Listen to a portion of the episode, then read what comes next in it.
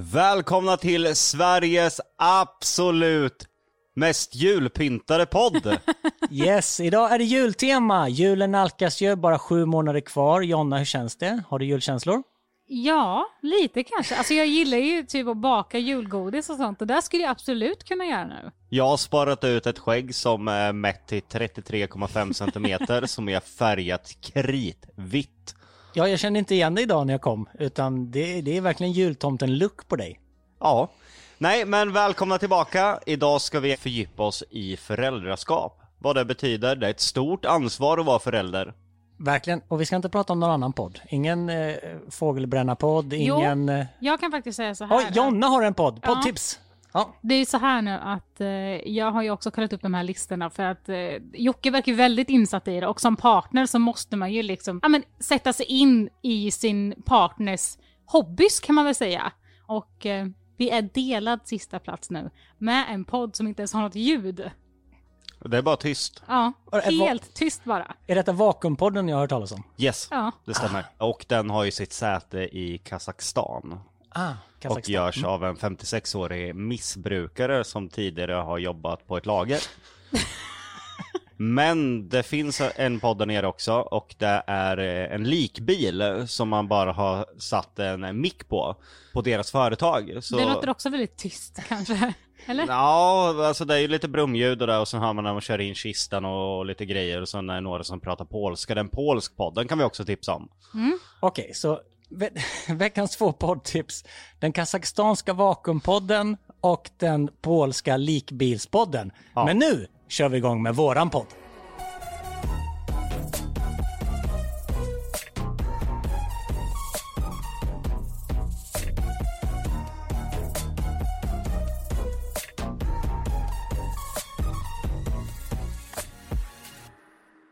Och precis som du var inne på innan vår fantastiska jingel så ska vi prata om föräldraskap idag. Jag måste bara säga att jag gillar att vi liksom lyfter andra poddar i den här podden.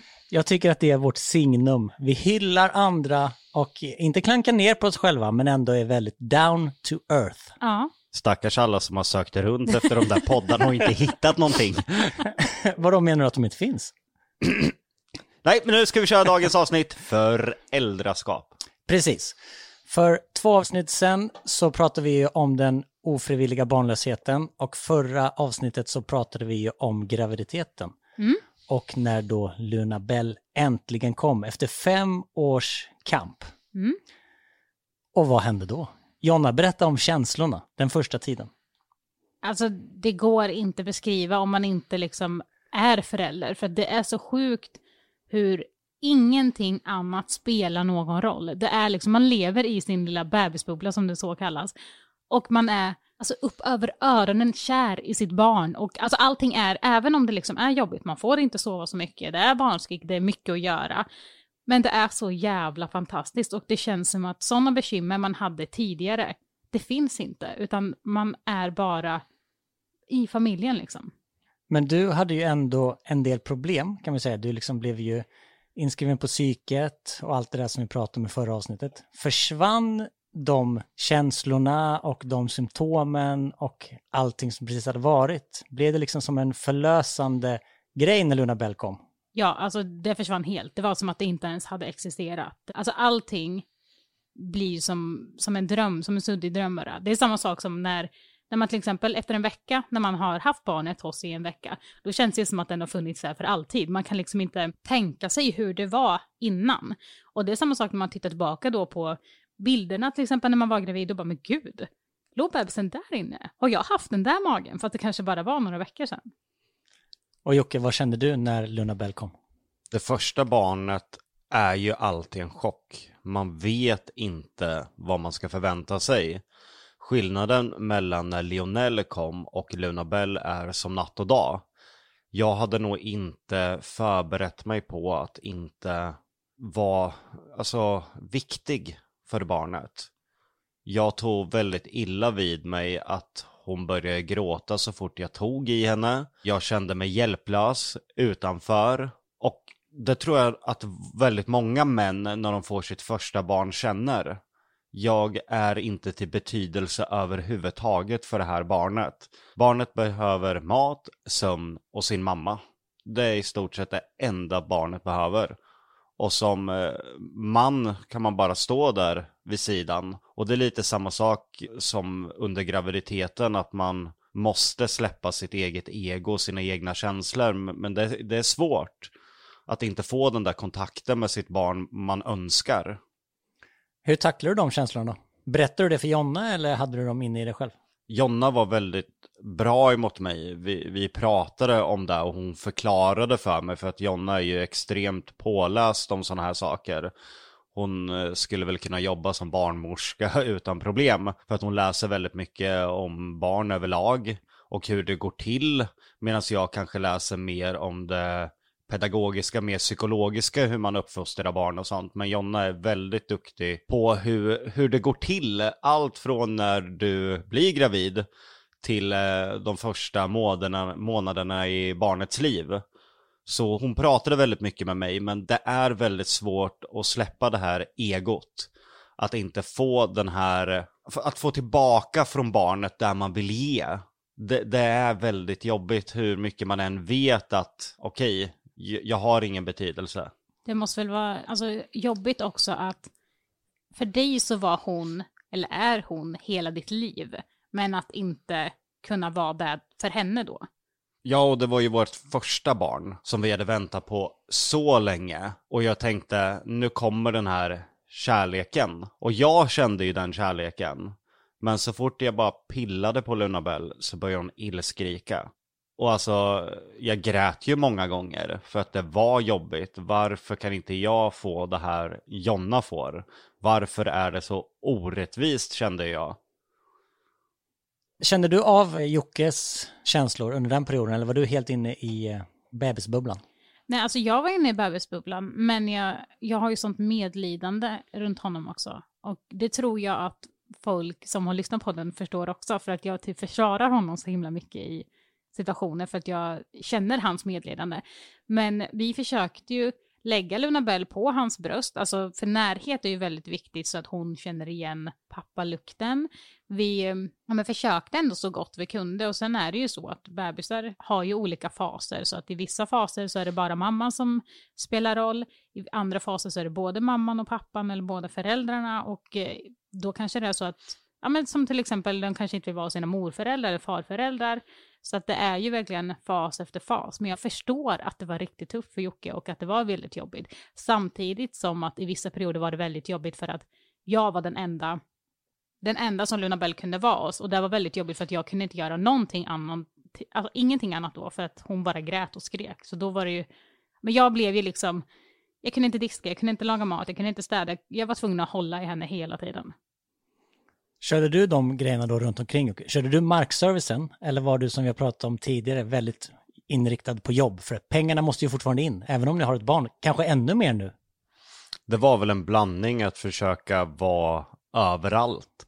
Och det har väl hållit i sig sedan dess. Jag kör fortfarande markservicen och ser till att allt fungerar. Ekonomi, vad vi ska göra härnäst, planering med jobb, men eh, det jag kände under de här första månaderna var ju att holy shit, det känns som att Jonna är ljusår före. Jag ser henne, och hon är helt fantastisk med barnet. Det är som att hon aldrig har gjort något annat än att vara mamma.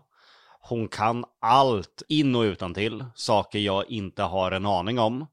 Jag kommer ihåg att Luna Bell eh, bajsade svart. Var det direkt, det här är Beck. Och jag bara, vem fan är Beck? är, det, är det polisserien Beck? Nej, jag hade ingen aning. Medan hon i stort sett visste allting. Luna Bell fick eh, utslag, det är det här. Luna Bell fick eh, ont i magen, det beror på det här. Medan jag inte hade en aning om någonting. Så jag kände, vad för förälder kommer jag att bli? Jag hänger inte med i Jonnas tempo. Hon är en helt annan förälder än mig. Jag går som en, eh, som min annan värld och bara tittar på och nästan förundras av hur grym förälder hon är. Och tänker att hur ska jag kunna nå upp till det här? Och om ni hör barnskrik i bakgrunden så är det för att Lionel är hemma. Ja. och på nedervåningen tillsammans med mormor. Och väldigt högljudd är han. Ja, det, går, det går in bra i de här mickarna. Ja, och han har väldigt bra stämma också. Betydligt eh, högre stämma än Luna Bell. Eh, han låter värre än en jaktfalk. Hade man satt en jaktfalk bredvid Lionel och båda fick liksom pumpa ur hela stämman så tror jag att eh, Lionel hade kommit både högre i ljusa toner och i decibel. Ja, Luna Bell brukar säga till honom ajabaja giggo, hon säger giggo till lillebror. Jag får ont i öronen. Inte skrika. Men om vi går tillbaka till att du kände att du var lite, e- du halkade efter kände du. Var det speciellt ovant för dig eftersom du vanligtvis ligger 20 steg före med din Asperger så du halkar egentligen ännu mer tillbaka då? Ja, precis. Jag försökte läsa, plugga på, men det här fungerade inte riktigt i praktiken. Det jag läste stämde inte överens med verkligheten. Jag kunde plugga på hur man skulle hantera barnet och så räcker det bara med att mina fingrar nuddar henne och så kommer illskriket. Och jag försöker och försöker och försöker men det blir inte bättre. Jag hade några sådana här good times med Luna Bell när hon somnade på mitt bröst. Men det var ju när hon sov. Jag hade ju inga moments när Luna Bell var vaken. Ingen ögonkontakt, inget leende, ingenting. Utan det var när hon somnade. Då fick jag känna att det här är mitt barn. Fy fan vad jag älskar henne. Men det var ju bara köpt tid tills hon vaknade igen. Ja, men jag tror att det är lite som du säger. Jag tror att det är ju en ganska vanlig grej bland pappor tror jag. Att känna sig otillräcklig. För jag menar, precis som du säger, allt barnet behöver är ju faktiskt mamman och mat och sömn. De behöver ju egentligen inte oss. Men när kände du Jonna att, eh, att liksom, kommer man in i vardagen direkt med ett barn eller kände du att du var i bebisbubblan eller hur, hur fortskred dagarna? Alltså vi är ju inte, eller har inte och är inte föräldralediga, så vi har ju aldrig varit där. Så att vi, alltså direkt när vi kom hem från BB så började ju vi jobba liksom. Alltså det föll väl oss naturligt och eftersom att vi jobbar med det vi gör så var det ju liksom, ja men vi filmade och vi gjorde det och det. Så att det kändes ändå som att vi kom in i vardagslivet och familjelivet ganska fort. Och sen så är det ju så att jag har ju alltid sett mig själv som en mamma, så jag har ju liksom, ja men det känns som att det är mitt syfte på jorden att vara mamma och därför föll det mig väldigt naturligt att sköta allting. Sen såklart så får man ju panik för att det är ju ens, ens allt och då blir det ju liksom att om den börjar skrika, hon hade lite kolik till exempel, då får man ju panik. Alltså ens hjärta krossas ju. Samtidigt som man bara okej, okay, det, det går inte att göra någonting. Man får vagga lite, man får göra så här, man får göra några övningar. Där hjälpte ju du med mig också Jocke, så vi, vi visste ju också att jag luktar ju mat och det gör ju att Luna Bell skriker ännu mer för att hon vill bara åt maten liksom. Så ibland så var jag tvungen att ta bort henne från mig och då fick ju Jocke ha henne som det kallas liggande tiger. Så man, man håller bebisen upp och, eller upp och ner på mage i, på armen liksom och vaggar den så för att det ska hjälpa till lite med magen. Den liggande tigern har jag lärt mig. Den vet jag hur det går till nu. Den gamla klassikern. Jag var ju typ bara rädd att hon skulle dö. Jag vågade inte... Jag var ju så här när Jonna skulle sova med henne, jag bara du kommer rulla på henne, hon kommer kvävas. Och eh, låg hon och sov ensam så var man ju kollade hela tiden. Kommer med handen, andas hon? Och sen råkar man väcka henne så att hon börjar skrika istället. Det var ju egentligen bara något kontrollbehov över att hon inte skulle dö. Jag hade någon panik för det. Kommer du ihåg det? Att jag var livrädd för att hon skulle sluta andas, att hon skulle Mm. läggas och kvävas, att vi skulle rulla på henne. Jag ville inte ens ha henne i sängen. Men det var ju också för att eh, du hade ju läst väldigt mycket om det här att barn, ja men spädbarnsdöd. Plötslig spädbarnsdöd. Exakt, det var ju liksom sådana saker han läste på. Och det byggde väl också upp en väldig oro. Såklart, jag var också orolig, men det var också att jag visste att låg hon på min mage och sov, då kunde inte jag. Alltså det är någonting automatiskt. Plus att jag tror inte att mammor sover särskilt mycket överlag när de, alltså jag tror att man bara egentligen typ blundar. Du sover ju inte djupt. Nej, jag exakt. sover ju när jag sover, även om jag sover väldigt lite, somnar sent och bara sover fåtal timmar. Men de timmarna jag sover så sover jag. Jonna är mer i en dvala. Det räcker med att peta på pannan så flyger ögonen upp. Medan mig får man liksom stå och slå på liksom cymbaler och trummor för att jag ska vakna. Men du Jonna var väl hela tiden i mamma-mode? Du visste ju det att gnyr bebisen, Då vaknar jag direkt och så är jag där. Ja, ja, och jag, alltså som sagt, jag tror inte ens att jag vaknar, utan jag tror att jag är vaken. Även om man får en trötthet som är utan dess like så får man även typ någon energi utan dess like. Det, jag vet inte, det kan vara typ att man har gått och varit väldigt tung, det har varit väldigt jobbigt, man har varit flåsig, man har varit väldigt stor. Och sen när det försvinner så känner man sig ganska fitt liksom. Och då klarar man av att göra lite mer saker. Plus att det blir liksom som en kick. Alltså man får ju en kick av förlossningen. Så att eh, men jag tror att jag mådde ganska bra liksom, samtidigt som det var rädslor och hon var ju så himla liten, hon hade lite kolik och det var en tuff tid men ändå så var den helt fantastisk. Jag gjorde inte saken bättre. Helt plötsligt så var det enda jag såg artiklar angående barn som hade dött. Och jag tror säkert de har funnits hela tiden, men innan vi fick barn så kanske inte var där mina ögon stannade på samma sätt. Att det mer svischade förbi och inte lades i minnesbanken. Men vid den här perioden var det enda jag såg. Och jag kommer till Jonna, nu, nu har något barn dött här på ett år, de vaknat på natten och barnet var helt vitt och kallt. Eh, jag hade panik. Jag vågade inte hålla i Lunabell. Man fick inte vara i närheten utan något trappräcke. Man fick inte i stort sett var någonstans. Och skulle någon jag kände hålla barnen så gick jag igenom innan. Jag kommer ihåg att när Luna Bell var fyra månader så var vi i Dubai. Och då hade vi eh, en familj som följde med, som en god vän till oss, RP-Viks familj. Och jag kommer ihåg att de skulle vara barnvakt åt Luna Bell. Mm. Och eh, jag hade då sett en film där eh, en mamma tappade barnet över eh, här rulltrappa över räcket. Och där finns det ju extremt många av i Dubai. För vi, de skulle till Dubai Mall som är en av världens största gallerier och där kan man ju tänka sig hur många rulltrappor det finns. Och då skriver jag till Tobbe på mitt Aspergersätt Jag är ju väldigt kort och konsist i text och man kan uppfatta mig som sur i text. Jag är ju inte den där glada emoji-killen utan jag håller mig till ämnet man ska skriva om, är väldigt kort och konsist, jag lägger inte till något extra. Och då skriver jag till Tobbe ungefär som att han eh, har en hög statistik på att eh, dödat barn. Fast han har fler barn än mig, han har alltså tre barn. Och alla barn lever och mår jättebra. ja, ändå skriver jag och går igenom en lång lista. Så här ska du sköta Luna Bell. Du håller henne inte i famnen vid rulltrappor. Hon ska sitta i vagnen. Du håller två händer på vagnen. Du kollar framåt hela tiden. Du ser till att du inte krockar med andra människor. Du tappar inte bort Luna Bell. Du ger henne inte saker hon kan kvävas utav. Du håller koll så att hon inte blir kidnappad. Och, och sen han... avslutar också med döda henne inte. Och han blir eh, med all rätt verkligen skogstokig på mig. Det är ju såklart han känner bara, what the fuck Jocke, vad fan tror du om mig? Vi ska ha eran dotter i några timmar och du liksom skickar en enorm lista, det finns inte utrymme för något så här vänligt eller trevligt. Det är bara en kort och konsist. Och förstå ändå om det är kort och konsist men ändå jättelångt hur den här listan ser ut. Det är bara punkter hur han inte ska ta livet av våran dotter. Det vore ju en sak om du bara Ja, hon är lite känslig för den där krämen eller glöm inte smörja in henne eller hon äter varannan timme, inte var tredje timme. Don't kill our daughter. och vad sa han då? Nej, han vart jätteupprörd.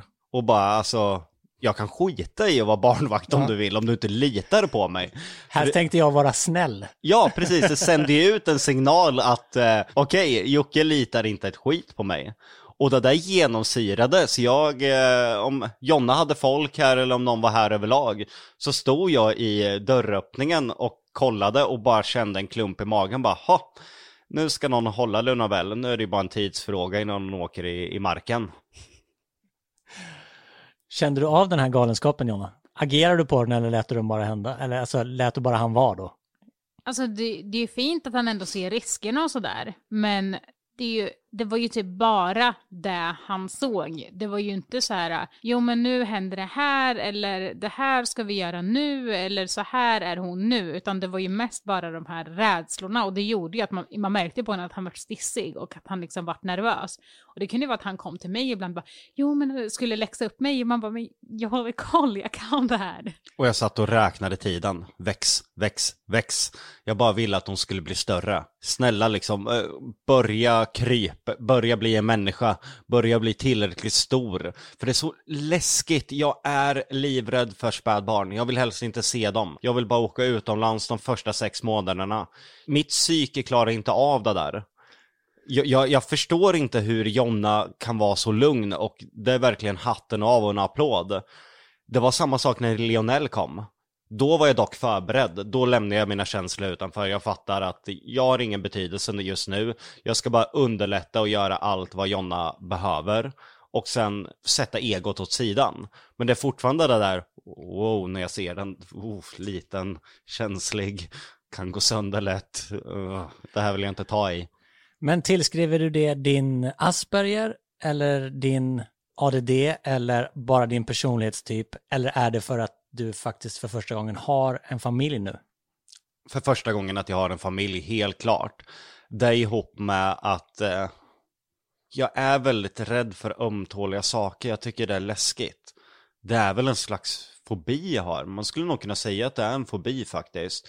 Vissa har ju fobier för så här hål om du vet, tryfofobia eller vad det heter. Och jag tror att det här är en konstig fobi, att jag är jätterädd för ömtåliga saker. Bara jag ser någonting som ser ömtåligt ut så sätts de här tankarna igång. Och jag kunde ligga vaken alltså på nätterna och plåga mig själv genom att läsa artiklar där barn har dött eller hitta filmer där det händer olyckor. Förstå vad jag fyller mig själv med för konstiga känslor. Så till slut så gick jag ju och mådde dåligt hela dagarna. Och målade upp scenarier i huvudet där jag såg hur jag tappade henne och grejer. Så jag mådde ju psykiskt dåligt konstant typ. Det måste varit jättejobbigt. Och jag vill bara flika in det att om ni hör hammarljud också så är det för att vi sitter i Lundellvillan och det renoveras. Nu renoveras det igen. Ja, sex månader uppehåll men nu är det igång igen. Lundellhuset säsong tre kampen mot Sveriges finaste hus fortsätter. Den kommer alltid fortsätta. Den kommer alltid fortsätta. Och det är så roligt att varje gång man kommer hit så är det med fan alltid något som händer. Det var, som du sa, lugnt ett tag, men nu är det snickare överallt igen. Så det får ni helt enkelt köpa. Det blir barnskrik ibland, det blir hammarslag ibland, men det är livet. Ja. Det jag menar med att ni får stå ut med det, ni behöver inte köpa våra hantverkare. Nej. Jag ville bara flika in där. Nej, det behöver ni verkligen inte göra. Men ni får stå ut med att det hörs i podden. Ja. Man kan ju också stänga av podden om man inte vill höra. Ja, eller sätta på den här likbilspodden. Eller, eller om man vill ha det tyst så kan man sätta på Vakenpodden. Ja. Då får man det jävligt tyst. Okej, okay, så du har i det här skedet blivit lite manisk igen då. Lite manisk. Väldigt manisk. Väldigt manisk. Fan, det är upp och ner. Det är upp och ner hela tiden. Men vad, vad, vad känner du Jonna, liksom, var det en lycklig tid det här eller var det en stressfull tid eller vad skulle du säga? Jag som är en stressmänniska blev så mycket lugnare när jag fick barn. Jag vet inte hur det kommer sig, men eh, dels så tror jag att tålamodet sätts ju på prov något enormt och man måste bara vara lugn för att barnet känner av att man är stressad och det smittar av sig och det blir liksom ett ont ekorrhjul. Samtidigt som jag kände väldigt överbeskyddande. Jag skaffade hur många så här, babyövervakningskameror som helst. Det skulle vara dittan och datta. Alltså det var liksom med ljud och det var alltså... Det var... Jag hatar de där kamerorna. Ja, nej men alltså det var så mycket för att jag var så himla rädd. Min största rädsla var att Luna Bell skulle bli kidnappad. Och det var dels för att, ja men det är vårt barn och det är ju verkligen någonting jag inte vill förlora jag hade sett så många så här dokumentärer och lyssnat på massa poddar och allt möjligt. Verkligen så här eh, grejer man inte ska lyssna på. Och det gjorde så ont i mig att veta att det faktiskt kan hända, att det kan hända på riktigt. Och det här med att, okej, okay, om ett tag ska hon börja förskolan, då är hon liksom inte hos oss längre. För annars så kan ju vi kanske påverka när hon är med oss, men lämnar vi över henne till någon annan, då är det ju kört. Och de här övervakningskamerorna, i bilden så är det ju night vision och alla barn ser ut som lik där. Så för mig var det ju varje gång jag såg ens eh, den här bilden från övervakningskameran, hon är död! Hon ligger helt stilla och jag bara till Jonna, jag bara, jag tror inte hon lever. Jag tror inte hon lever. Hon sover älskling. Ja, det var så varje gång. Man ska inte kolla på spädbarn och de här övervakningskamerorna. För hela ansiktet blir helt vitt och de ser helt, ja, rent ut sagt döda ut. Jag vet att ni har ju ett ganska avancerat system nu också. Ni har ju väl uppkopplat så till och med din mamma kan se barnen hemifrån sig va? Mm, exakt, så att eh, mamma kan ju se ifall det är någonting, ja men vi säger att jag kanske sover och sover djupt för en gångs skull, det gör jag aldrig, men om jag nu skulle göra det och eh, Lunabelle eller Lionel vaknar, då kan mamma prata med dem hemifrån sig. Så hon kan prata med dem via kameran. Lunabelle kan man till exempel säga så här, det är lugnt nu, ta nappen, ta snutten, somna om igen, lägg dig på kudden, så gör hon det. Och sen kan det också vara att om Jocke är iväg och jobbar och ehm, jag försöker lägga två barn som inte vill sova, då kan hon natta Lunabelle till exempel via kameran och så lägger jag Lionel. Svinsmidigt. Ja, Teknik. Ja, teknik. Men under den här perioden så räddade nog jobbet i alla fall mig. Förstå om man hade varit ledig och bara varit hemma och gått omkring dygnet runt och var rädd för att sina barn ska dö. Det är ingen trevlig känsla. Så jag är extremt lycklig att jag hade jobbet att i alla fall under några timmar skingra tankarna. Men det enda jag tänkte var, växer de snart? Kommer de bli större? Både med Lionel och Luna Bell. Läste jättemycket, kommer till Jonna att nu, nu ska det väl liksom börja bli en människa. Jonna bara, det är en människa. Det har varit en människa hela tiden. Du bara, nej. Nej, det, jag, jag, jag har inte den synen fortfarande. Och det vet ju, du, du och jag har ju pratat mycket om det här. Jag tycker inte spädbarn är människa, det är bara ömtåligt och jätteläskigt. alltså de kan ju inte göra någonting, de kan ju egentligen inte ta kontakt på något sätt eller liksom, det går inte att leka med, det går ju, alltså de äter, skiter och sover.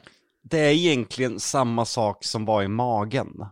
Helt samma sak är det ju inte. Nästan, i alla fall om man räknar med när du ligger och föder. Då är det ju samma som kommer ut som en timme innan låg i magen. Navelsträng ner och får intravöst genom navelsträngen. Det är ju samma som kommer ut. Det är jätte... Alltså du, du beskriver det nästan som att det är någonting jag har skitit ut. Nej, men det är jätteläskigt. Jag, jag kommer ihåg när Luna Bell föddes och jag bara, hennes huvud är ju knäckt. Det var min första tanke, för när, när de föds så är huvudet ihoppressat. Och jag ställer mig där och kollar in mellan Jonas ben och jag skulle aldrig ha gjort det. Alltså det är det läskigaste jag sett. Alltså... Det, det är slem, det ser ut som att man slängt in en handgranat liksom och det har smält av där mellan benen. Och i det så är det något kritvitt. Som det ser Nästan blått. Ja, nästan blått som det ser ut som det enskilda slemmiga hår, hårstrån på. Och jag, jag, jag visste ju inte att det här ens var Luna Bell. Kommer du ihåg att jag frågade sköterskorna, liksom vad, vad, vad fan är det där? Och då säger de, men det är din dotter, hon är på väg ut. Jag bara, fan hon har ju knäckt huvudet! Du har ju inte fobi mot ömtåliga saker, du har ju fobi mot bebisar. Nej men det är ju för att det är ömt... Hela huvudet såg ju knäckt ut. Och så var det nästan som en ballong liksom, när de kommer ut så bara plopp! Och då blir huvudet större igen och det var helt, det var helt skrynkligt. Ja. Och det var bara så här tidsfråga på att den här, den här, det här lilla, lilla, det kommer dö. Det, det, det är ju skrynkligt. Det var tur att du inte var med på min dotters förlossning, för hon föddes med sugklocka. Hon kom inte ut ordentligt och då sätter läkaren fast någonting på huvudet liksom, och drar ut. Men är inte det farligt? Jag har hört att det kan bli väldigt mycket komplikationer. Ja, hon kom ju ut och så hade hon en sån här conehead. För de drog ju liksom på riktigt Okej, ut huvudet. Så ah. hon hade ju ett avlångt huvud. Ja, ja, för, Så vadå, de första jag- sätter den på fontanellen liksom? Ja, de sätter den på huvudet på något sätt. Jag bara tänkte bara, men herregud, hon ser ju... Men när- hon när ska hon vart se det- ut sådär tänkte jag. Så att det vart liksom, Avlångt huvud. alltså som man tänker en alien, alltså en tecknad alien. Har ni sett ko- filmen Coneheads? Så såg hon exakt ut så. Men när la det sig då? Nej, la sig efter några dagar eller något. Minns inte riktigt. Vi har, vi har ju en elektriker, eller vi har en elektriker. Och det, är nu, och det är nu det breakar. Det är ju egentligen Roger som är pappan. Det var därför du inte kände igen din egen dotter. Nej, eh, det var inte där jag skulle komma till. Vi, eh, vi har en elektriker. Det jobbar en elektriker här som även är en god vän till oss som heter Roger. Och han har ju en skräckhistoria. Hans dotter föddes efter halva tiden tror jag. Vattnet, Ja, ka- kanske vecka 24 eller Ja. någonting. Det var väldigt, väldigt tidigt i alla fall. vattnet bara gick liksom. Och de fick tillbringa månader på sjukhus. Och sen har jag en annan vän som har en historia där de liksom bara tar barnet och springer iväg för att det inte andas. Och jag kan säga, hade det där hänt mig i, i förlossningen, jag hade svimmat direkt på sekunden. Alltså det hade varit tack och godnatt. Och det överlag, jag kan inte hantera de här situationerna. Om Luna Bell skulle skada sig rejält, och sen är jag, då är jag gone alltså. Så där är jag så glad att jag har min motpol Jonna som kan hålla lugnet under sådana här extrema situationer. Jag klarar inte av det. Man vill inte ha med dig i en olycka. Nej, jag checkar ut direkt. Bilolycka, vem kan hjälpa till? Jocke bara springer åt andra hållet. Men det, Det är helt sant, det har hänt. Jag krockade när jag var runt 20 år, en ganska allvarlig bilolycka. Vi körde in i 120 km i timmen i ett träd och jag hade inte bälte på mig och hade en hund lös i famnen. Och eh, förarens eh, flickvän satt i framsätet, hon hade glasskärvor i hela, hal eh, hela halsen, det var blod överallt. Och jag får sån chock att jag, eh, jag checkar ju ut liksom och säger jag måste hem liksom, jag, jag ska göra mat. Jag har inte tid med det här. Nej, så jag går från olycksplatsen och de sitter kvar i bilen, det är blod överallt. Så ambulansen fångar ju upp mig över en kilometer bort och jag har lämnat kvar hunden och allting. Hunden mirakulöst överlevde. Med en eh, punkterad lunga bara, så ambulansen hämtar ju upp mig bra långt därifrån och får dra mig in i ambulansen. Och jag ska ju inte åka med för att eh, jag måste ju röka liksom, så de så jag säger till ambulansmännen, nej ni får köra med dörrarna öppna i sådana fall, för jag måste eh, röka. Och på sjukhuset, de fick ju i stort sett binda fast mig. Jag hade ju gått in i läkarens rum och startat datorer och skulle beställa kläder. Förstå, jag, jag vägrar ju acceptera att det hade hänt en olycka. Men vad, nu är det lite sidospår men ändå lite intressant. Varför tror du att du eh, påverkas så mycket av situationer, ja, men, eh, ovanliga Jag- jag- situationer? Jag kan inte ta in det. Det, det, det- för mig, jag klarar inte av, på grund av all trauma i min barndom, så klarar inte jag av sådana här situationer. Och förstå då den här olyckan som gällde mig själv och eh, en hund. Förstå om det hade gäll, gällt Luna Bell. Jag är inte och kommer nog aldrig vara den här superpappan som vi säger att jag krockar med barnen. Som bara mirakulöst liksom tar ut dem i bilen och allting. Eller om, om det börjar brinna i huset, jag ger mig in. Min hjärna... Mm, det där, bara... där tror jag att du har fel. För jag ser dig helt annorlunda där. Jag tror att du skulle absolut vara den som, alltså oavsett om det skulle sitta en glasbit rätt genom din mage in i hjärtat eller någonting, så hade du bara så här, barnen! Och sen hade du bara, du hade inte ens sett den där glasbiten, för du hade tagit ut barnen. Och sen när du hade liksom satt dem på ett tryggt plats eller så, då hade du bara, oh shit, jag har en stor fet glasbit i mitt hjärta liksom. Tror du det? Ja, hundra procent. Jag ser mig själv som att jag bara stängs ner. Nej, där hade, alltså, nej. Tänk dig dina reflexer. När Luna Bell till exempel håller på att ramla. Du är där innan du ens fattar att du är där. Ja, det- den måste jag ändå ge mig själv. Alla gånger jag har när hon ska slå in huvudet i vassa kanter så är jag där med handen på en sekund. Och då hinner du ju inte ens tänka det, utan det bara faller naturligt. Ja. Man får väl hoppas att Jonna har rätt i alla fall. För jag vet ju att det har uppkommit andra stressade situationer där Jocke har stängt av lite. Vad hände i tullen i Dubai till exempel? Ja, till exempel då så hade vi med oss en eh, resesäng till eh, Lunabell. Och det är liksom en, ja men du kan ha den som ett handbagage, det är väldigt, en, en vagga kan man säga. Och då ber jag Jocke bära den för att jag har redan massa packning och eh, jag har Lunabell i en bärsele. Och sen så är ju han, alla säger så här innan, kolla inte på folk här för att Dubai är lite känsligt och så. Och han går ju och glor och blänger på alla. Och sen så säger någon så här, du kom här, kom här. Och så liksom vinkar de dit och bara, jag får kolla i din väska. Och han bara, den är inte min, den är inte min. Jag bara, men alltså för fan, så kan du ju inte säga. Säg bara, ja, ah, det är en barnsäng. Alltså det är min, min dotters säng liksom. Jag går fram till passkontrollen också, det här är så tappat. Lägger fram mitt pass, this is me, lägger fram Jonnas, this is my wife, and this is my child. Och de bara, okej. Ja, antagligen. Eller vadå, har du någonting att dölja? Ja, bara är det inte din familj på riktigt? Varför skulle du behöva berätta att det är min, din dotter liksom? Det står i passet. De bara, red flag, red Ja, men det flag. blev ju det direkt. Sen, eh, jag fick ju godkänt där och sen hinner jag bara gå några meter ut från passkontrollen. Och det är ju där de kommer och klipper mig. Och sen, Såkl- såklart. Och de vill bara kolla väskan liksom. Alltså, och de jag var bara, jätteläskiga, de hade automatvapen Jonna. Nej, nej, nej, nej, nej. Jo, de hade automatvapen. Jag minns det där jätteväl. Men det är bara så här, vi vet ju. Alltså jag är ju mer, ja absolut kolla jag ingenting att dölja. Men han bara, den är inte min, den är inte min. Man bara, men alltså nu gör du ju sakerna ännu värre. Snart kommer de ju hoppa på dig och dra in dig i ett rum för att de tror att det är någonting där. Man bara, det är en barnsäng. Ja, men jag har dåliga minnen. Jag har varit i det där rummet. Jag de har letat igenom både utsida och insida på mig ett antal gånger. Det är ingenting trevligt. Du sätter dig själv i den situationen kan jag Inte säga. från början. Nej, men nu, om det är någon som vill pilla dig här och där så Ja, kom, då, då har de ett väldigt bra ingång. Men jag valde inte från allra första början. Efter ett par pillningar, då blir det att så fort jag ser de här, då blir det att jag kollar vart är de.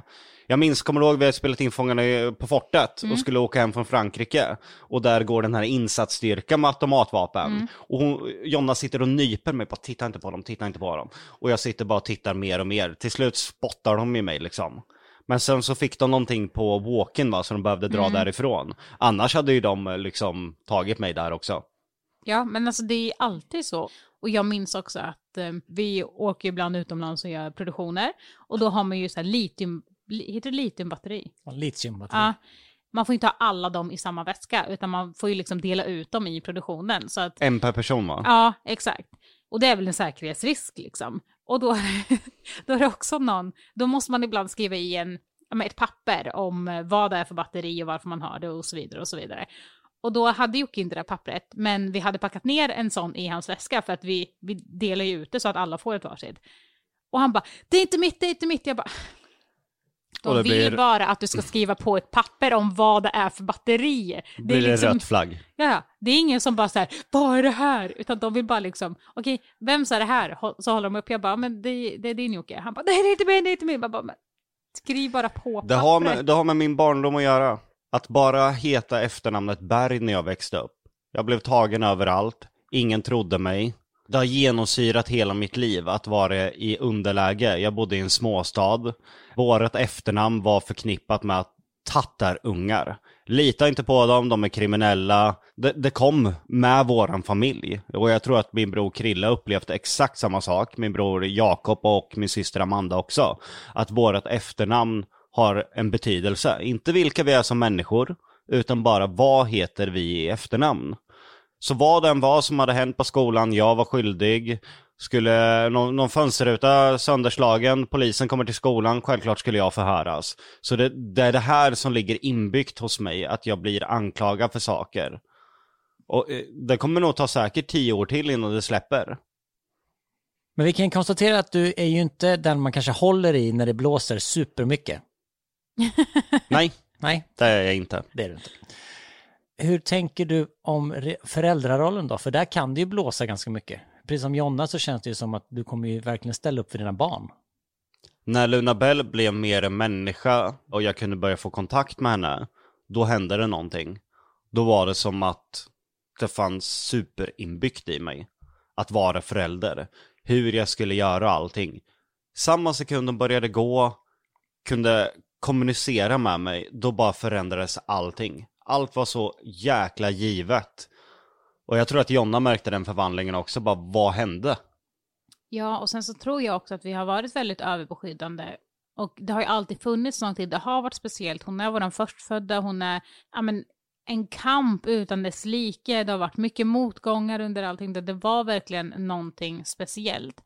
Och jag minns också att vi sa det att man var orolig under graviditeten, men nu fick man en oro som var tio gånger värre fast man trodde att den var på max under graviditeten. Då var det liksom, tänk om vi förlorar, men nu var det på riktigt, för nu hade hon ju kommit till oss. Med det så var det också, okej, hur ska vi göra för att kunna hålla alla onda människor i världen borta? För det vart också att, vad fan har vi gjort? Vi är i en värld där det finns väldigt mycket ondska, väldigt mycket fula folk, om man säger så, som gör väldigt mycket dumheter och allt sånt. Hur ska vi kunna skydda våran dotter ifrån det här? För att nu vart det ju, fan, vad har vi gjort? Var det här verkligen bra? Världen är inte den bästa. Hur ska vi kunna göra här? Hej, jag Ryan Reynolds. På Mint Mobile, we like to do the opposite of what Big Wireless does. They charge you a lot, we charge you a little. So naturally, when they announced they'd be raising their prices due to inflation, we decided to deflate our prices due to not hating you. That's right. We're cutting the price of Mint Unlimited from $30 a month to just $15 a month. Give it a try at mintmobile.com slash switch. $45 upfront for three months plus taxes and fees. Promo rate for new customers for limited time. Unlimited more than 40 gigabytes per month. Slows. Full terms at mintmobile.com. Och det gjorde ju att vi höll henne lite, vi, ja men, vi la upp bild och sådär på Instagram och bara, ja men här är hon född. Och nu är hon född. Och då var det en sån explosion i sociala medier. Det vart ju mer, vad ska man säga, än kungabarnen. Fick, det, det, hon fick mer liksom uppmärksamhet i tidningen och allt sånt än när kungafamiljen får barn. De hade statistik på det faktiskt. Och det gjorde väl att vi fick ännu mer rädsla och bara shit, vad fan har vi gjort? Nu är hon typ känd. Alltså så. Och jag kommer ihåg att vi funderade på om vi skulle starta en slags Instagram-konto till henne eller om henne. Så vi tänkte så här, ska vi visa upp henne eller ska vi inte? Men eftersom att det blev så stort så blev det också att okej, okay, vi måste skydda henne från all ondska, men samtidigt så förstår vi ju att vi kan inte skydda henne från all ondska.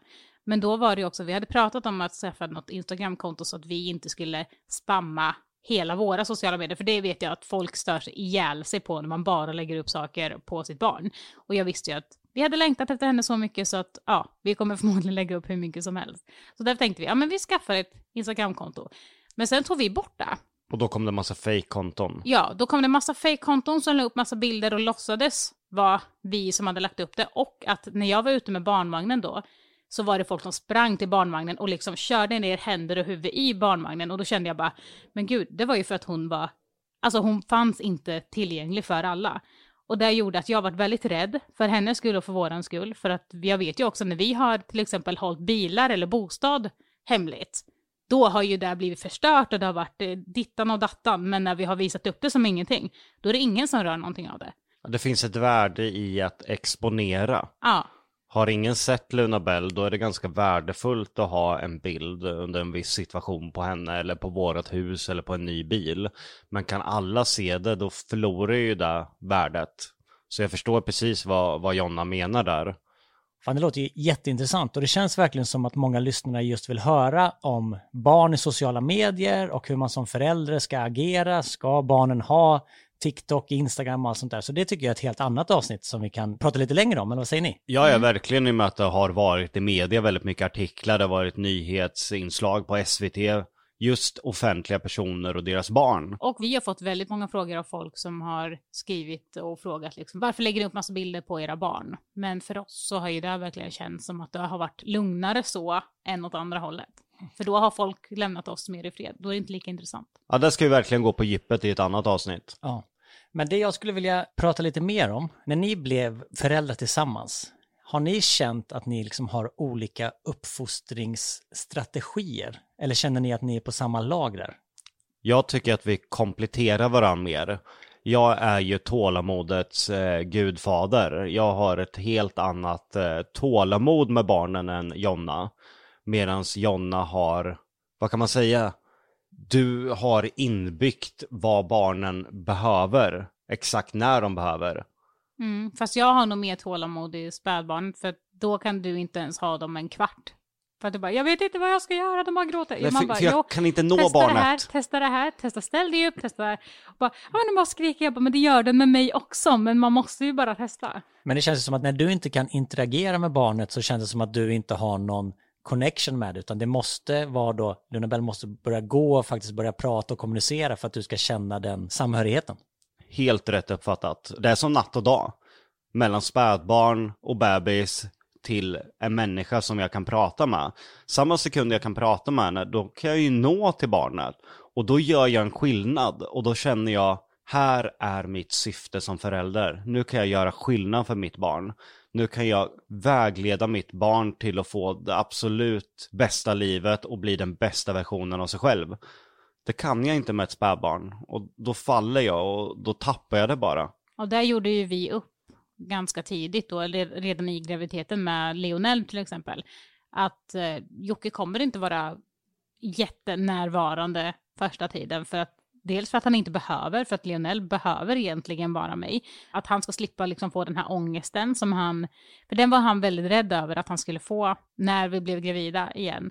Att han liksom, han bara nej, nej, nej, nu kommer jag få den här, jag känner mig otillräcklig och allt sånt. Så därför bara sa vi att nej, men han kör på på sitt. Och sen såklart så liksom myste han ju och pustade på honom och liksom var så, men det var inget måste för honom. Utan det var på hans villkor när han ville komma till honom så att det inte vart liksom det här att här, ta hand om den, ta, gör det här nu, nu ska du göra det här. Så att han kände liksom att han kan ta det i sin egen takt. Och det Ja. tycker jag har funkat jättebra nu. Ja, ja, verkligen. Jag känner att vi har landat i vårt föräldraskap till 100%. Och den tiden när Lionel var spädbarn la jag på Luna Bell istället. Att jag eh, var med henne mycket mer, för att jag kände att det ger barnet någonting. Att jag försöker med Lionel och det, jag inte når fram, jag är otillräcklig. Den tiden kan jag lägga på mitt andra barn som kan utvecklas faktiskt på riktigt genom det jag gör.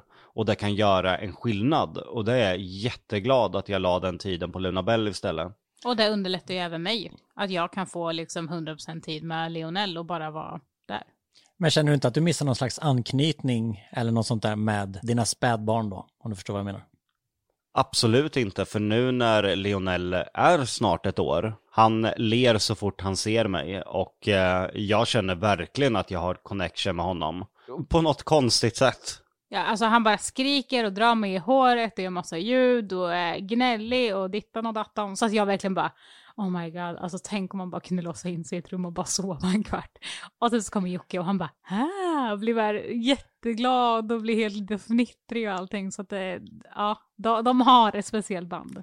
Tänker du ibland så här bara, tänk om jag bara kan få krypa tillbaka in i mitt gröna rum, stänga dörren, sitta och väsa i ett hörn i en kvart?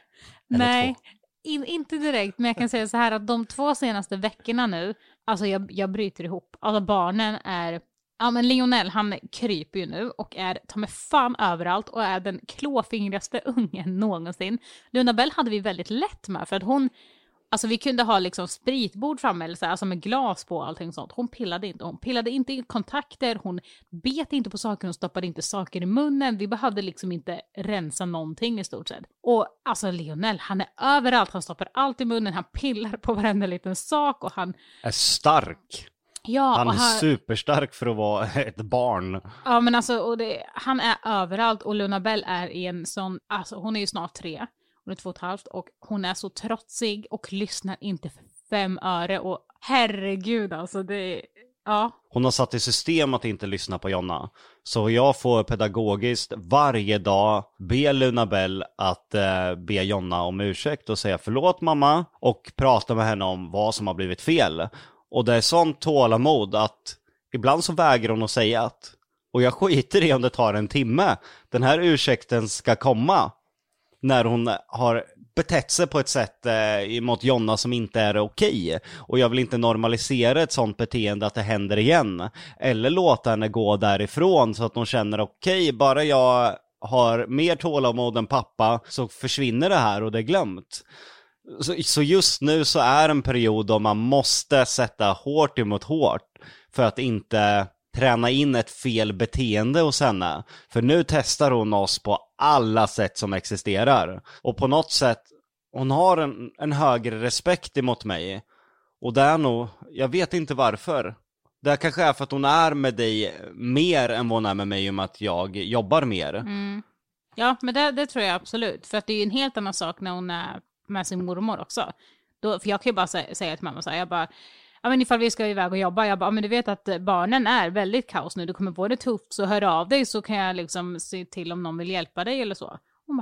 Nej men de är världens änglar. Jag bara, "Fy fan, jag önskar ju bara att någon annan får smaka på det som jag känner. Kan någon se det jag ser? Ja. Ungarna är fan asjobbiga. Ja, och men alltså, är de som och änglar det är också, jag vill också, där vill jag faktiskt säga att man får säga att sina ungar är jobbiga, för att det är de ibland. Men det är ju inte så att bara för att de är jobbiga så ångrar man dem. Det skulle jag aldrig göra, utan de är ju alltså, fantastiska. Men det är fan vad tufft det är att vara förälder ibland. Alltså. Och det här med att uppfostra, man har alltid kanske en grej att gå efter. Att ja, men så här tänker jag mig själv som förälder. Jag ska aldrig muta med någonting. Herregud vad jag har mutat de senaste två veckorna. Det var, vi var på BVC igår och Luna Bell hittade en rutschkana och hon åkte och hon åkte och hon åkte och jag var svinhungrig, jag var jättetrött och ja herregud hon vägrade åka med hem. Och jag bara, du, ska du inte smaka en chokladbit när vi kommer hem? Hon bara, nej. Och jag bara tänkte, okej, jag kommer aldrig få henne härifrån för att hon älskar godis, men hon vill inte ens ha godis. Och hon åkte och hon åkte, alltså jag fick inte ut henne. Och då var ja men då går jag. Nej, funkar inte heller. Jag bara, okej, ska vi åka till McDonalds? Ja, sa hon. Så att jag fick muta henne med McDonalds för att kunna åka från BVC. Och jag fick göra det tyst så att de inte hörde att jag mutade. Men det är nog för att Jonna är väldigt dränerad för att Lionel är ju fortfarande i en fas då han behöver Jonna i sitt liv på ett helt annat sätt än vad han behöver mig. Och då tror jag att hennes energinivå är lägre än min. För jag kan ju höra, jag kan sitta i ett jobbsamtal och sen gråter ungarna i kör där ute. Och då får jag, ledsen, men jag måste hoppa ur det här mötet eh, för jag måste hjälpa Jonna. Sen jag springer ut där, pratar med barnen och så blir de helt tysta. Och jag är emot den här mutningen. Vi hade en incident häromdagen där Jonna sa att det var okej att hon satt på rumpan ner för trappen. Och det var väl för att hon inte skulle gråta för att hon vägrade gå ner på trappen. Men för mig är det big no, no, no, no. Jag sa direkt bara, du kommer inte få åka på rumpan ner. För att jag kommer inte att eh, normalisera ett beteende där du till slut kommer att ramla i trappen och slå dig. Och då vart det ju massa gråt och, och sånt. Men eh, till slut så fick jag ju in det i hennes huvud och hon kunde släppa det. Men det Ja. tog ju en halvtimme ungefär. Men jag kan säga så här, sen du drog den där, då tjuter hon varje morgon när vi ska åka till förskolan för att hon vill åka ner på rumpan. Men hon säger, jag får inte för pappa. Jag säger, nej, det får du inte. Och då är jag jättehård. Men då vill hon inte gå alls. Så nu får jag springa upp och ner två gånger i trappen för att jag måste ta Lionel ena gången och Lunabell andra gången. Så nu vägrar hon gå i trappen överhuvudtaget. Men är det lättare, Jocke, att vara den som är hård på mutor när man inte är med barnen hela dagen? Om du förstår vad jag menar. Ja, jag tror att det är mycket lättare för att min energinivå ligger högre när det gäller med barnen. Jag går in med mer energi i kroppen. Om Jonna kanske är nere på 20% och då börjar man närma sig den här, okej, ska jag muta barnen? Så kanske jag kommer in på 50-60% och då kan jag hålla uppe det där. Så då, det blir nästan så jag sveper in som en storm liksom att nej, nu är det inte så här, nu gör vi så här och eh, varför gör vi så här, förklara det. Eh, Jag ser på Jonna när Luna Bell eh, tar över henne. Och det händer väldigt många gånger när vi ska äta och sånt. Och då får jag ju säga att nej, eh, då går vi upp i sådana fall och lägger oss. Då blir det inte att vara i mamma och pappas rum, då ska vi inte titta på padda. För jag förklarade, det var, var det igår senast? Jag förklarade för henne att för att titta på padda innan man sover, då måste man ju också uppfylla de kraven och sköta sig. Då kan man inte hålla på och skrika eller skita i att borsta tänderna eller inte äta sin mat. Utan ska man titta på padda innan man sover, då måste man visa mamma respekt, lyssna på vad mamma säger. Och eh, hon hade ju inte gjort det här igår. Och då försökte hon ju köpa sig ur det. Mm. Jag ska lyssna på mamma nu. Jag är snäll nu. Jag är snäll nu. Jag sa det, idag blir det ingen padda och det blev ju ingen padda heller. Nej, men hon, direkt när hon vaknade, för att jag sa, men om du går och lägger dig nu, helt själv och liksom är duktig tjej och ska sova och sådär, då får du vara i mammas och pappas rum och titta på din padda imorgon. Så direkt när hon vaknade var hon också bara, mamma och pappas rum tittar på padda. Hon glömmer aldrig nej, det nej, där. alltså hon är elefantminne. stenhård. Ja, Blir du irriterad på Jocke när han kommer insvepande när du är trött och så sätter han sig på sina moraliska höga hästar och inte ska muta? Eller känner du bara fan Nej. vad gött att han kommer och hjälper till? nej, jag blir inte irriterad, men det är, alltså, ibland är det skönt att han kommer, för då kanske hon lyssnar på ett helt annat sätt, för att hon spexar med mig liksom och är så här, äh, nej, men hon ser ju på mig att jag är helt slut. men eh, däremot ibland så kan jag ha sagt till henne nej, och ett nej är ett nej, och sen kommer Jocke bara, Jo, men ta det här att han inte har hört att jag har sagt nej och då blir hon så här haha. Alltså typ så hon fattar ju så mycket nu liksom. Men vi håller ju också på att eh, få henne att sluta med napp och jag tror att mycket ilska åt henne ligger där alltså. Det, det är svårt, det är riktigt tufft, men vi, är, vi har försökt många gånger, men vi, till slut har det blivit så här, ja ja, bara du slutar, ta nappen. Men nu är vi stenhårda alltså. Ja, vi har pratat ihop oss där. Jag hade napp till jag var sju år. Det är helt sant. Min mamma sa inte åt mig överhuvudtaget att bli av med nappen och jag vet vilket helvete jag hade. Jag hade talproblem, jag kunde inte sova på nätterna, jag hade nattskräck, alltså den där jävla nappen förstörde halva min barndom genom att jag inte fick vänja mig av med den. Och Luna Bell pratar ju, hon pratar väldigt mycket, men hon sluddrig. Ja, och hon kan inte riktigt uttala vissa ord för att hon har pratat så mycket med nappen i munnen. Så vi märker ju av att det har ju påverkat. Alltså hon säger till exempel lekpallen, säger hon till lekpark. Men hon vet att det heter lekpark. Så om jag frågar så men vad ska vi cykla till? Då säger hon lekpallen. Jag bara, fast vad heter det egentligen? Hon bara, lekpark. Jag kör, med om, det. jag kör ju med omvänd psykologi för henne. Jag säger fel till henne för att hon ska rätta mig och öva på det rätta. Och det fungerar faktiskt, för att hon blir irriterad när jag säger fel. Ja, då bara lekpark. Men vad skulle ni säga är det som ni är mest oense om i uppfostringsstrategi? Om ni har en sån grej. Ingenting faktiskt, utan jag tycker att vårt föräldraskap är väldigt självklart och vi har eh, olika styrkor. Jag är inte ett dugg orolig för barnens uppväxt för att för mig är det så pass givet genom min egen barndom och allt jag var med i hur mina barn ska uppfostras. Och just min bakgrund är nog mitt största redskap som förälder för att jag vet om vad som händer när man inte ger barnen verktygen till att kunna klara vuxenlivet. Och jag tror att många föräldrar bara kanske tar för givet att barnen ska bli bra människor.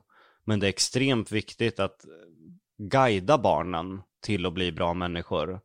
Och även om vi bor i ett jättefint eh, bostadsområde så är det jätteviktigt att mina barn får veta att alla har inte samma ekonomiska förutsättningar. Det är jätteviktigt att de får en förståelse för andra människor och en förståelse för omvärlden.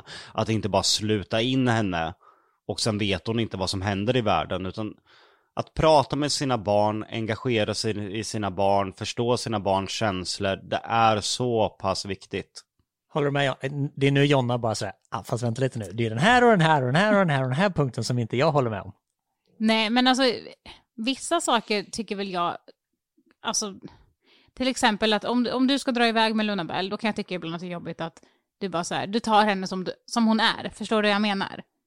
Du har inte med dig kanske något mellanmål, du har inte med dig någon blöja, du har inte med dig, alltså jag tänker ju på allting sånt medan du bara så här, ja, nu ska du följa med till jobbet och sen så tar du henne och sen bara åker. För då blir jag så himla snurrig, okej men nu måste du ha det här, du måste ha det här, och då tänker du hela tiden så här, men varför tar det så jävla lång tid för dig när vi ska åka någonstans? Ja, ja, verkligen. Och det är väl att vi kompletterar varandra. Som jag säger, att Jonna, hon har koll på allting.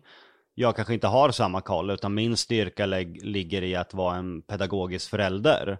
Och att mer uppfostra genom att prata med barnen. Medan Jonnas superstyrka ligger i att kolla vad, att barnen har med sig allt de behöver och ha stenkoll på den biten. Så jag tycker att kompletteringen är helt perfekt. Mm. Sen behöver väl jag bli lite bättre för att jag är ju det vet ju alla redan, ganska vimsig.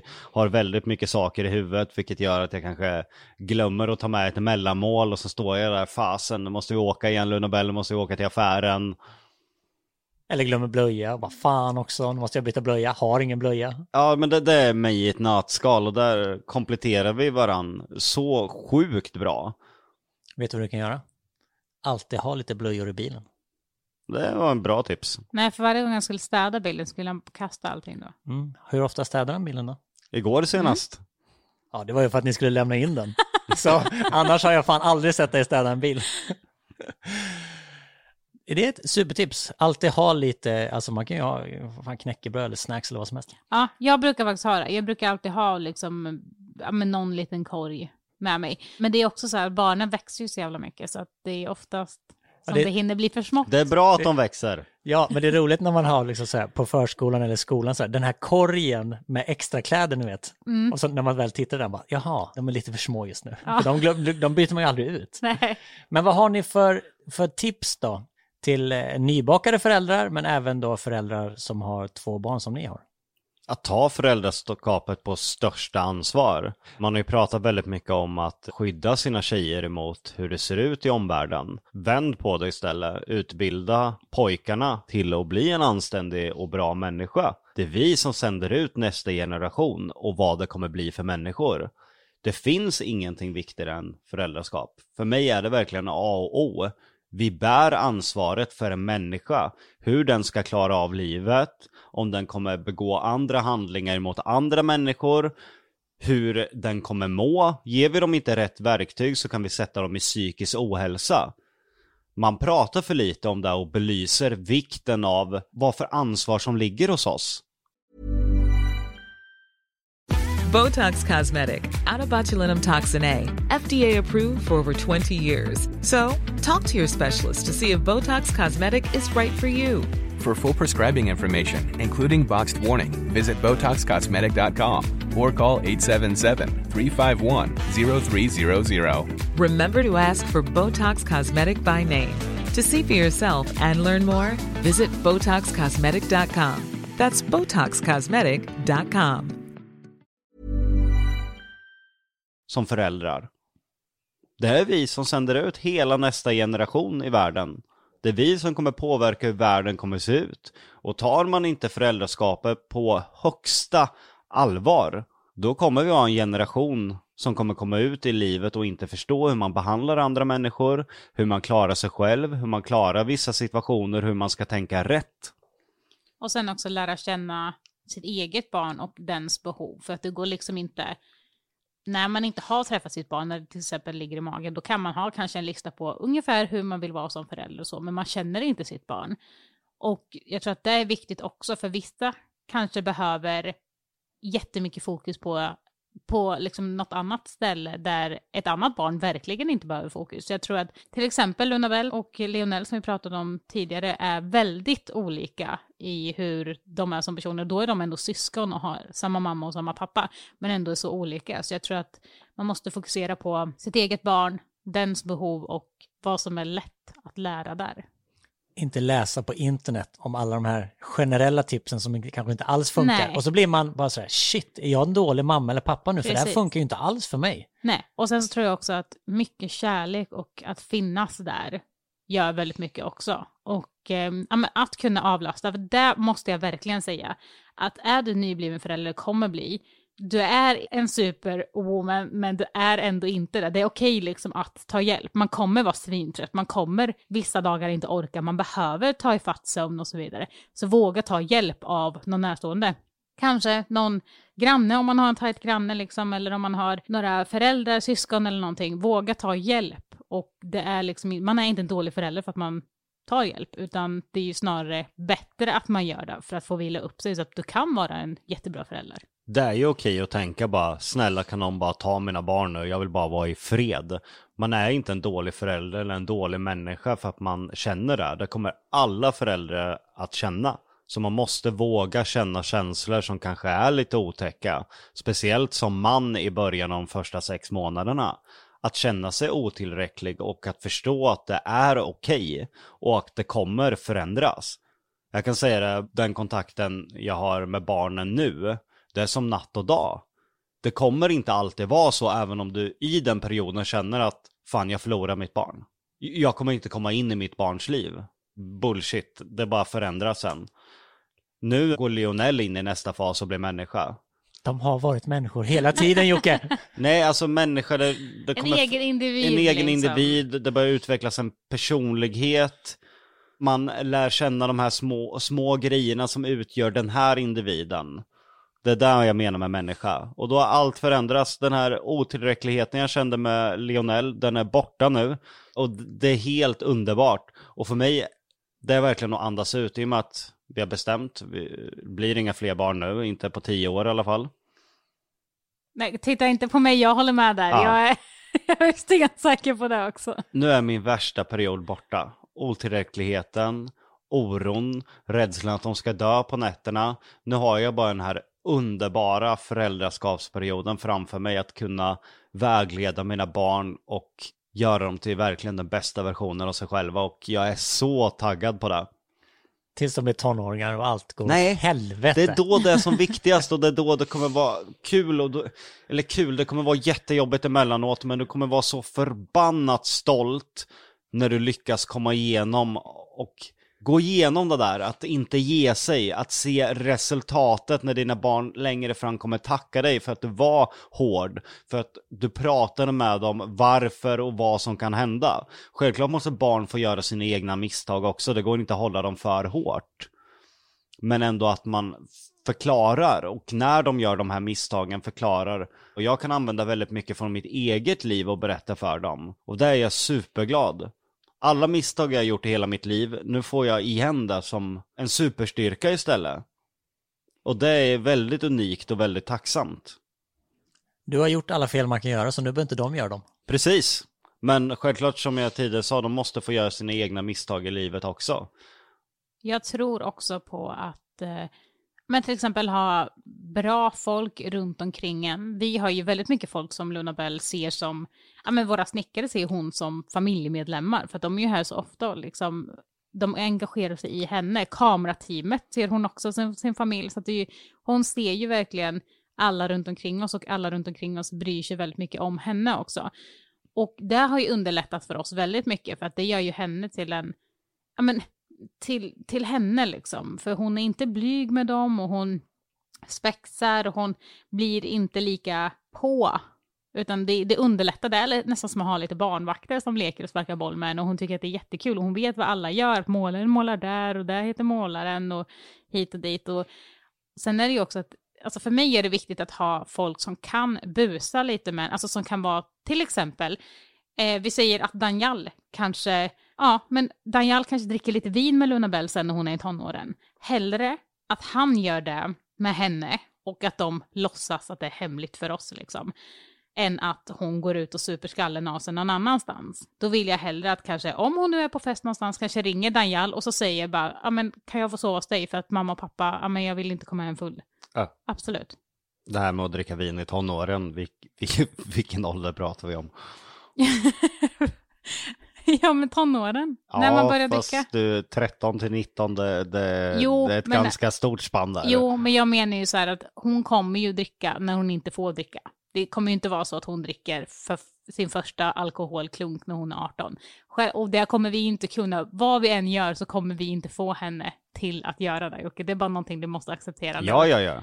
Men då tänker jag att om hon jag är... så i huvudet att hon har 13 år och sitter och pimplar vin med Daniel. Nej, no, nej, no, no, no, no, no, no, no. nej, jag menar ju att det, alltså inom rimlig, alltså är hon 17 och känner att hon ja, men vill festa, hon kanske känner att hon är lite för full för att komma hem till oss, vilket man kan förstå, då tycker jag att det känns skönt att det finns folk runt omkring oss som hon kan ringa till och som de kan hålla hemligt. Alltså han kan ju bara, ja men Luna Bella hos mig nu, hon är packad, jag tar hand om henne, punkt. För mig är, känns det väldigt viktigt, för att annars så kanske det blir det här att man inte pratar med någon istället, och då kanske hon väljer att sova i ett dike ute, för att hon inte har någon vuxen att vända sig till. Så att man ska inte gå för hårt på där heller tror jag. Nej, och då kommer det här med att ljuga för sina föräldrar för att man känner att man inte kan berätta för sina föräldrar. Livet är en kompromiss och det är viktigt att kompromissa med sina barn. Jag tror att det finns många föräldrar som har nolltolerans. Det existerar inget sånt. Och då kommer barnen att eh, dela den informationen med någon annan, exempelvis deras vänner, och eh, börja ljuga, hålla saker hemligt. Och då kan man hamna i trubbel. Till och med sånt som verkligen blir alltså, farligt. Och därför tror jag att det ja, men som sagt bra att ha folk runt omkring sig som man kan vara lite busig med. Men så att man låtsas som att ja, men det här vet inte mina föräldrar om, fast egentligen man gör det. Man kanske blir skitförbannad egentligen, men Problematik i liksom- föräldraskapet existerar ju även i fina områden. Man målar ja. upp det väldigt mycket som att i fattighet, utsatta områden, eh, dålig ekonomi, inget jobb, att det är då barnen får en dålig uppväxt. Det finns jättemånga exempel på när man växer upp i jättefina områden, har föräldrar som är jättenärvarande, men att de stryper åt för hårt.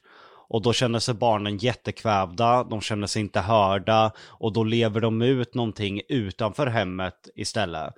Och då finns det väldigt stora faror i att det börjar med missbruk och sånt som inte går att ta sig ur. Och sen fortsätter bara den där kanan rätt ner.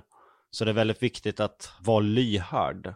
Tonåringar är ju ändå tonåringar ja. och jag tror att oavsett vad, om man säger så här, men jag har supit för mycket när jag var liten och det här och det här händer, det kommer de inte lyssna på. Och det kommer heller inte funka om man bara, ja, ja, ja, här, ta några flaskor, jag köper lite till. Vad vill du ha för något? Alltså man måste liksom kunna komma på någon smartare plan där. Jag hatar Systembolagets reklam. Den har jag sagt till dig, ja. alltså den är helt hjärndöd. Och jag skiter i om jag får skit för att jag säger det här. Men de har ju en reklam att man inte ska köpa ut som sina syskon eller som förälder. Man bara, men snälla, barnen kommer fixa av någon annan. De kommer ta kontakt med en människa du som förälder absolut inte vill eller ens kan tänka dig att ditt barn kommer ta kontakt med. Det kommer vara alkoholister, det kommer förmodligen vara, alltså människor, du kan komma i kontakt med en pedofil. Så jag tycker den där reklamen är så jävla hjärndöd, de kommer köpa hembränt, de kommer dricka saker de inte har någon aning om, de kommer sno alkohol, för det är så viktigt för dem i den åldern att passa in. Så jag, alltså, jag hatar den reklamen. Man måste ju på något sätt göra Kompromissen? Sätt, ja, men alltså någonstans, någonstans där, inte kanske att köpa ut eller så, men jag menar så här, någonstans så måste ju Sverige kanske sätta det ännu hårdare lagar runt omkring det så att det slutar, eller på, någon, alltså på något sätt. Så att man inte kan få tag i sådana saker. det är ju som du säger, vill man få tag i tonåren i någonting sånt, då, då får man det. Ja, alltså det är ju vårt samhälle som måste ändras. Det där är ju jättebra i grunden att inte köpa ut hos sitt barn. Men då måste, som Jonna lite var inne på, man måste jobba med barnen när de växer upp för att få en ökad förståelse för att man inte ska dricka tidigt och vad som händer och allting. Och att eh, polisen har en större uppsyn, alltså allt måste utveckla sig för att man ska någonstans mötas. Men vad det kokar ner till är ju att det är i huvudsak föräldrarnas ansvar och hur man pratar med barnen och hur man involverar Allt är dem. föräldrarnas man- ansvar. Ja. Jag menar, även om Sverige skulle reglera alkohol ännu hårdare, jag menar, och sätta dit alla smugglare och langare i hela Sverige så kommer folk ändå bränna hemma och då kommer ungdomarna hitta dit istället. Så allting grundar ju sig i vilken kommunikation man har med sina barn. Tror jag. Ja, ja, verkligen. Och Och jag tror det här att sätt inte, det ska vara nolltolerans för det här, det ska vara nolltolerans för det här. Alltså barn är barn, tonåringar är tonåringar. Ju, ju liksom hårdare tyglar du har, desto vildare kommer det bli. Och då kommer du aldrig få reda på det och då kanske det som sagt händer någonting. Du som förälder ska vara din barns bästa vän. Sen om, du ska alltid utgå från det liksom. Sen såklart så är det ju så att barnen kanske inte alltid vill berätta allting. Men då ska du ha nära vuxna människor som är dig nära liksom. Som kan vara där som en moster, faster eller vad det nu är. Som kan liksom finnas för barnet och som ni kan prata hemligheter. Så att det kanske, ibland kanske kommer till oss också, men ibland kanske inte alls gör det. För att det kanske inte är någon fara, utan barnen behöver ventilera mot någon annan vuxen så att de inte håller sig Liksom, så att det inte liksom är så att de kanske blir mobbad till exempel, men inte vågar prata med någon eller att man kanske har en annan sexuell läggning, kanske är jättejobbigt att berätta för sina föräldrar. Ta då kontakt med någon annan vuxen som du, som du liksom håller kär eller vet att den här personen kan jag lita på. Och sen kan man liksom ventilera där. Man behöver inte prata med allt med sina föräldrar, men det är viktigt att prata med sina föräldrar. Det går att vara bästa vän och förälder. Många tror att det inte går, att man går över till en sida som eh, är farlig och att barnen då kommer att eh, göra uppror och sådana saker om man kommer för nära barnen. Jag tycker det är helt fel. Du kan vara ditt barns bästa vän och du kan vara ett jättestort öppet bollplank för barnet och kunna prata om vad som helst. Jag tycker det är jätteviktigt och jag tror att Ja, jag kommer väl bli lite ledsen när de blir 14-15 där och pappa inte är bästa vän längre. Men jag tror att jag alltid kommer kunna prata med mina barn om allting och det är min stora förhoppning och jag kommer att kämpa för det genom hela livet. Efter diagnosavsnittet så har vi fått jättemycket frågor på eh, främst Instagram om hur din diagnos spelar in i din föräldraroll.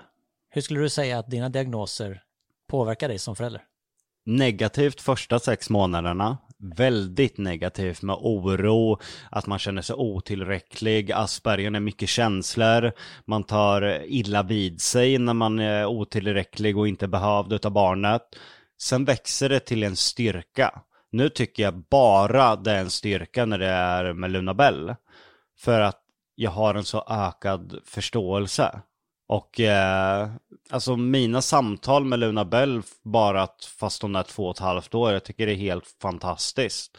När vi kan ligga i sängen, jag, Jonna och Luna Bell och prata om allting. Alltså, Hon är Nej, så wow. förstående och hon... jag är så stolt över henne. Ja, verkligen. Och hon är ju också, ni två pratar ju väldigt mycket om, eh, ja men Luna Bell har snett in lite på monster och vill höra monsterhistorier och det är ju Jocke expert på, alltså att hitta på historier och sånt. Och det är ju för din, för, alltså för din vilda fantasi och för, för dina diagnoser. Samtidigt som diagnoserna är ett väldigt bakslag när det gäller att men alla de här mellangrejerna, från, om vi ska ta oss från punkt A till punkt B, att fatta liksom att alla de här grejerna behöv, behövs göras för att vi ens ska kunna sätta oss i bilen och åka iväg. Ska inflika för att låta hem så här monsterhistorier till två och en halvt åring. Nu höjer moraltanterna sina pekfingrar där ute i stugorna. Det är alltid snälla monster. De kan vara busiga, där går gränsen. Och de ser väldigt roliga ut och de gör väldigt knasiga saker. Det är inte vampyrer som dricker blod eller Frankenstein eller liksom en hydra med tre huvuden, liksom med huggtänder. Det kommer sen, när hon blir tre. Nej men det, det är också pedagogiska, för det är också monster som är utfrysta och som andra monster skrattar åt. Men då träffar monstret Luna Bell Och då brukar Luna Bell sticka in med Ja, och jag är kompis med monstret och vi Jag är kan vara båda... kompis." Ja, och vi, vi kan vara kompisar och vi kan sparka boll för jag gillar också att sparka boll. Så då är- tar ju hon in det här, ja men det här monstret som varit lite utanför och blir kompis med det istället. Så det blir, det blir väldigt fina och pedagogiska Ja, jag historier. försöker hitta ett syfte i historien. Jag har ju en historia som handlar om en drake som heter Benny. Men Benny kan inte spruta eld som de andra drakarna och därför blir han utfryst. Och då går hela historien ut på att eh, Luna Bell kan ju bli Bennys kompis för att Luna Bell tycker inte det är något konstigt med Benny fast han inte kan spruta eld. För För Benny är ju ju- jättesnäll. Ja, och Benny kan ju sparka boll och gillar att sparka boll. Det gör ju Luna Bell också, så de kan ju hitta på andra saker. Och sen så äter Benny upp alla de som har mobbat honom. Nej, Mm, nej, nej. inte Nej, riktigt. Synd, det vore en bra slutkläm annars. Men jag tänker på, eftersom det som vi pratade om i diagnosavsnittet, att du liksom zonar ut och glömmer vissa grejer, som stänga kylskåpsdörren. Det är inte så att du är orolig att, att du snör in i din egna värld och, glömmer Lionel i bilen, sådana där saker. Det sitter i ryggraden. Det...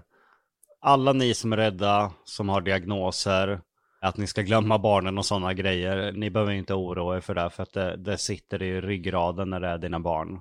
Då är det inte en kylskåpsdörr längre, utan som jag förklarade i diagnosavsnittet så lägger hjärnan en prio.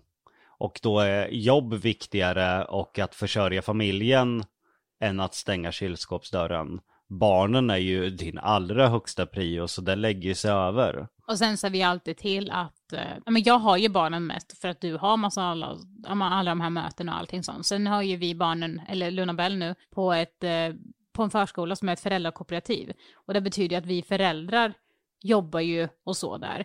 Då har ju vi valt att jag ska ta alla de eh, passen, slipper han tänka på det och sen har vi fixa dagar och sånt och då löser ju jag allting sånt. Så att han och hans diagnoser liksom ska slippa snurra och bli bananas och att han ja, men blir orolig över saker och det är ett nytt ställe och det är nya folk och man måste tänka på att vara trevlig och hit och dit utan då kan han fokusera på, på jobb och det han är bra på istället. Nej, vi hjälps åt för att vara de bästa föräldrarna som går och det, det är det fantastiska med Jonna, en otroligt förstående och bra partner. Allt man kan önska sig. Och du med. Tack. Och Det var väl med, fin avslutning på avsnittet. åh, vad fint det var. Åh, det är nästan det är, så, det är som smör här inne i poddstudion nu. Det bara rinner längs väggarna. Du är också en bra pappa Jonas. Nej, det behöver du absolut inte säga. Men jag tycker att du är ja, det. tack. Och jag tycker att din fru är en otroligt jävla bra mamma. Ja, det är Det, det, det är inte många mammor som jag tycker är bättre än mig själv, men där har vi faktiskt det. Det måste jag ändå säga. Hon är ju faktiskt mina barns extra mamma. Mm, det är hon. Vad fint. Som en enda stor familj. Ja, och hur ska du avsluta det här nu då? Nej, jag vet inte. Jag Är det re- reklam för Instagrammen? Nej, det- du kan väl göra det om du vill. Ja, vi har ju en Instagram som Ja, heter det- Sanningen måste fram. Jag visste inte att vi hade en Instagram. Visste du det, Jonna? Nej. Nej, ni tjatar så förbannat om den så jag vet i alla fall att den finns för det är ta mig fan det enda ni tjatar om. Så snälla ni som lyssnar, kan inte ni gå in och följa den här så jag Så vi slipper... slutar tjata. Ja. Ja, Men om ni vill så får ni gärna gå in och följa oss. Och där har vi även tävlingar. Det kan finnas lite smått och gott som man kan vinna där. ja.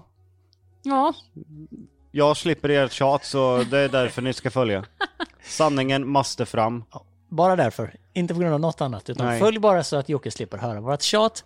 Tusen tack för att ni lyssnade. Det har varit ett intressant avsnitt återigen. Ska avsluta med en rap. Och Jocke kommer avsluta med en rap. Skitdåligt. Ja, den var riktigt dålig. Jag vet inte vad som hände, bara kom luft. Får jag testa igen? Det är väl det som är det. Ja, det bara kom luft. Vad brukar det komma? Vad bruk, menar du att det brukar komma? Det, det kom inget ljud, det kom bara luft om du fattar. Ja, jag fattar. Det, ja, det räcker nu, du kommer få ont i magen. Okej, vi hörs. Följ oss på Instagram. Sändningen måste fram. Åh, hejdå. Riktigt dåliga rapar. Ja, då... Vi ser om Jocke kan träna på sina rapar till nästa avsnitt. Tusen tack för att ni lyssnade. Adios!